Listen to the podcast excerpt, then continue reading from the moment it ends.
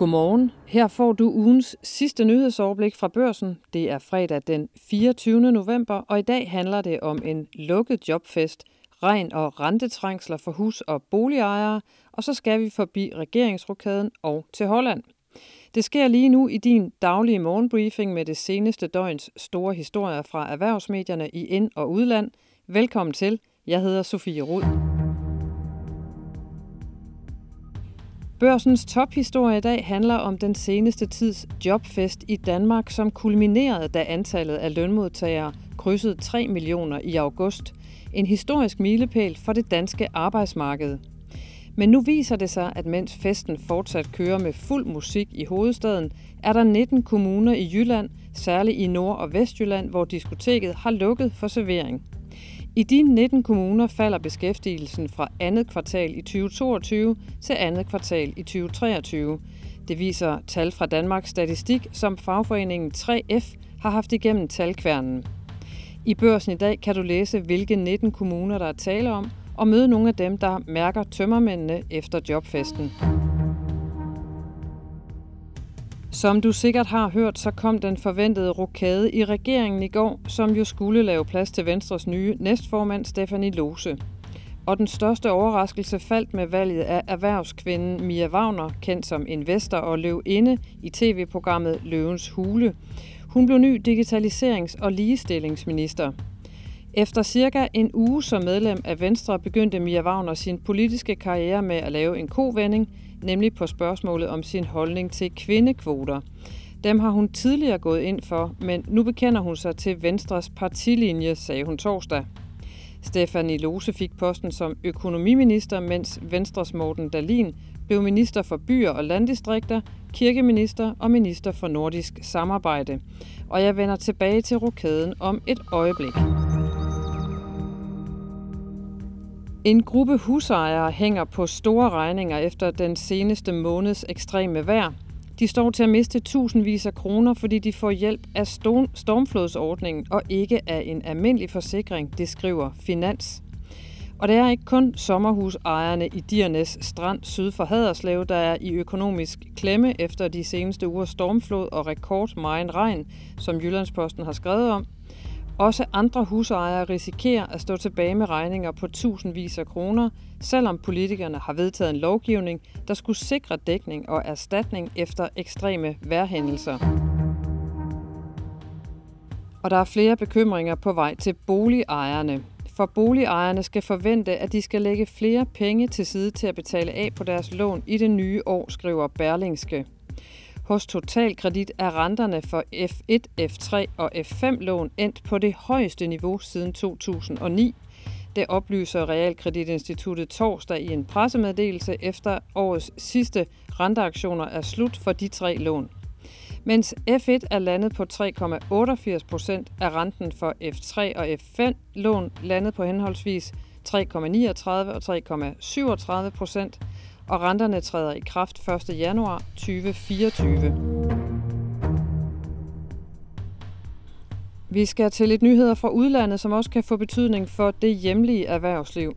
Jeg begynder i USA, hvor tidligere præsident og nuværende præsidentkandidat Donald Trump og hans rådgivere nu går til angreb på det, vi kender som Inflation Reduction Act, en af den nuværende præsident Bidens store politiske triumfer, som indeholder statsstøtte og skatterabatter for 369 milliarder dollars eller godt 2.500 milliarder kroner, som også kan komme danske virksomheder til gode.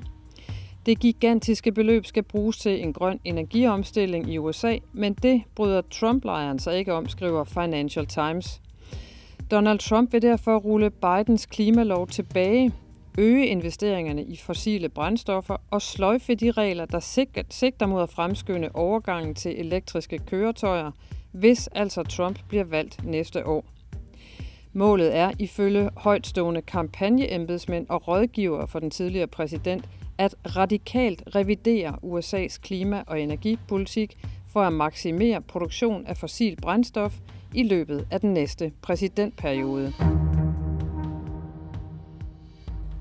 Til Holland, hvor Gert Wilders og hans højre nationale Frihedspartiet efter valget nu bliver det største parti i det hollandske parlament og dermed en mulig kommende regeringsleder. Frihedspartiet gik fra 17 til 37 mandater og fik knap 25 procent af stemmerne. Og den sejr har fået hollandske virksomheder helt ud på kanten af stolene. Wilders har nemlig kørt valgkamp på at begrænse immigration og lovede en folkeafstemning om hollandsk EU-medlemskab. De hollandske virksomheder frygter nu politisk usikkerhed, tab af kvalificeret arbejdskraft og risici for et erhvervsmiljø, der har tjent virksomhederne godt de seneste år, det skriver Bloomberg. Amsterdam er hjemsted for verdens ældste børs, og dets finansielle centrum har overhalet London som centrum for handel med aktier siden Brexit. Torsdag var en stille dag på aktiemarkederne, fordi verdens største aktiemarked, nemlig det amerikanske, holdt lukket på grund af landets største ikke-religiøse helligdag, Thanksgiving. Herhjemme blev det alligevel til et behersket plus på 0,2 procent til C25-indekset. Dermed fortsatte det danske eliteindeks den gode stime og er i alt steget tæt på 8 procent den seneste måneds tid.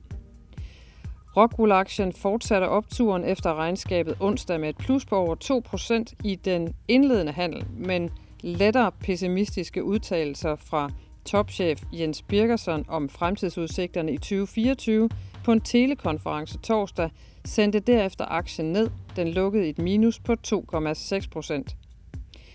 Også Genmap smed en halv procent af værdien torsdag, efter at man er gået med som investor i den hollandske kapitalfond Gilde Healthcares nyeste Life Science Fond, Venture and Growth Fund 6 hedder den, og Top Danmark tabte 0,3 procent efter en melding i mediet Finanswatch om, at forsikringsselskabet nedlægger 66 stillinger på grund af makroøkonomisk usikkerhed. Og som altid for investor aficionados, så er der flere kurser, procenter og grafer hos Børsen Investor. Som lovet tilbage til regeringsrokaden, som fyldte det meste af det danske mediebillede torsdag. Her får du børsens politiske kommentator Helle Ips take på, hvad den rokade kan betyde for SVM-regeringen. Rokaden er udtryk for især to ting. Den ene er, at øh, to af regeringspartierne, Socialdemokraterne og Moderaterne, ikke har haft stor lyst til at rokere meget rundt allerede nu, og derfor involverer rokaden kun venstrefolk.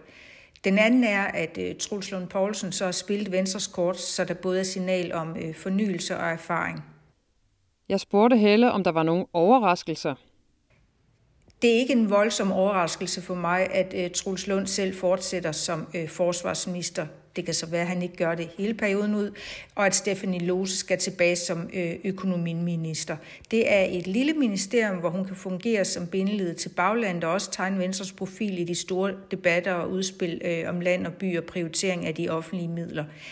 Den helt store overraskelse er selvfølgelig erhvervskvinden Mia Wagner, der bliver hentet ind øh, udefra. Hun har en fortid som øh, iværksætter, har været en markant stemme øh, i ligestillingsdebatten og, og bliver i hvert fald opfattet som en meget øh, karismatisk og dygtig skikkelse. Og det er jo ikke svært at regne ud, at øh, Venstretoppen gerne vil have hende ombord, fordi hun nok sender et mere moderne signal øh, til Venstres byvælgere, altså lidt i stil med, øh, hvad Tommy Ahlers gjorde. Hun kommer så ind på bekostning af Marie Bjerre, der ellers øh, betragtes som stort talent hos, hos Venstre, men det kan så være, at øh, Bjerre øh, gør comeback en dag som minister. Der kommer jo efter alt at dømme en større rokade senere i valgperioden. Er det her en rokade, der kommer til at forbedre Venstres eller regeringens målinger?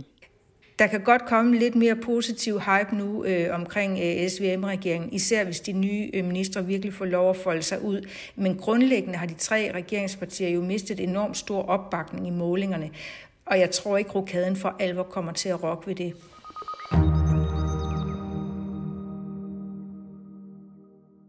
Tak fordi du lyttede med i dag. Weekenden nærmer sig. Måske er der julearrangementer på programmet, og ellers kan man også blive under dynen. Uanset hvad, så er vi tilbage igen med mere morgenbriefing på mandag. Ha' en dejlig fredag og en god weekend.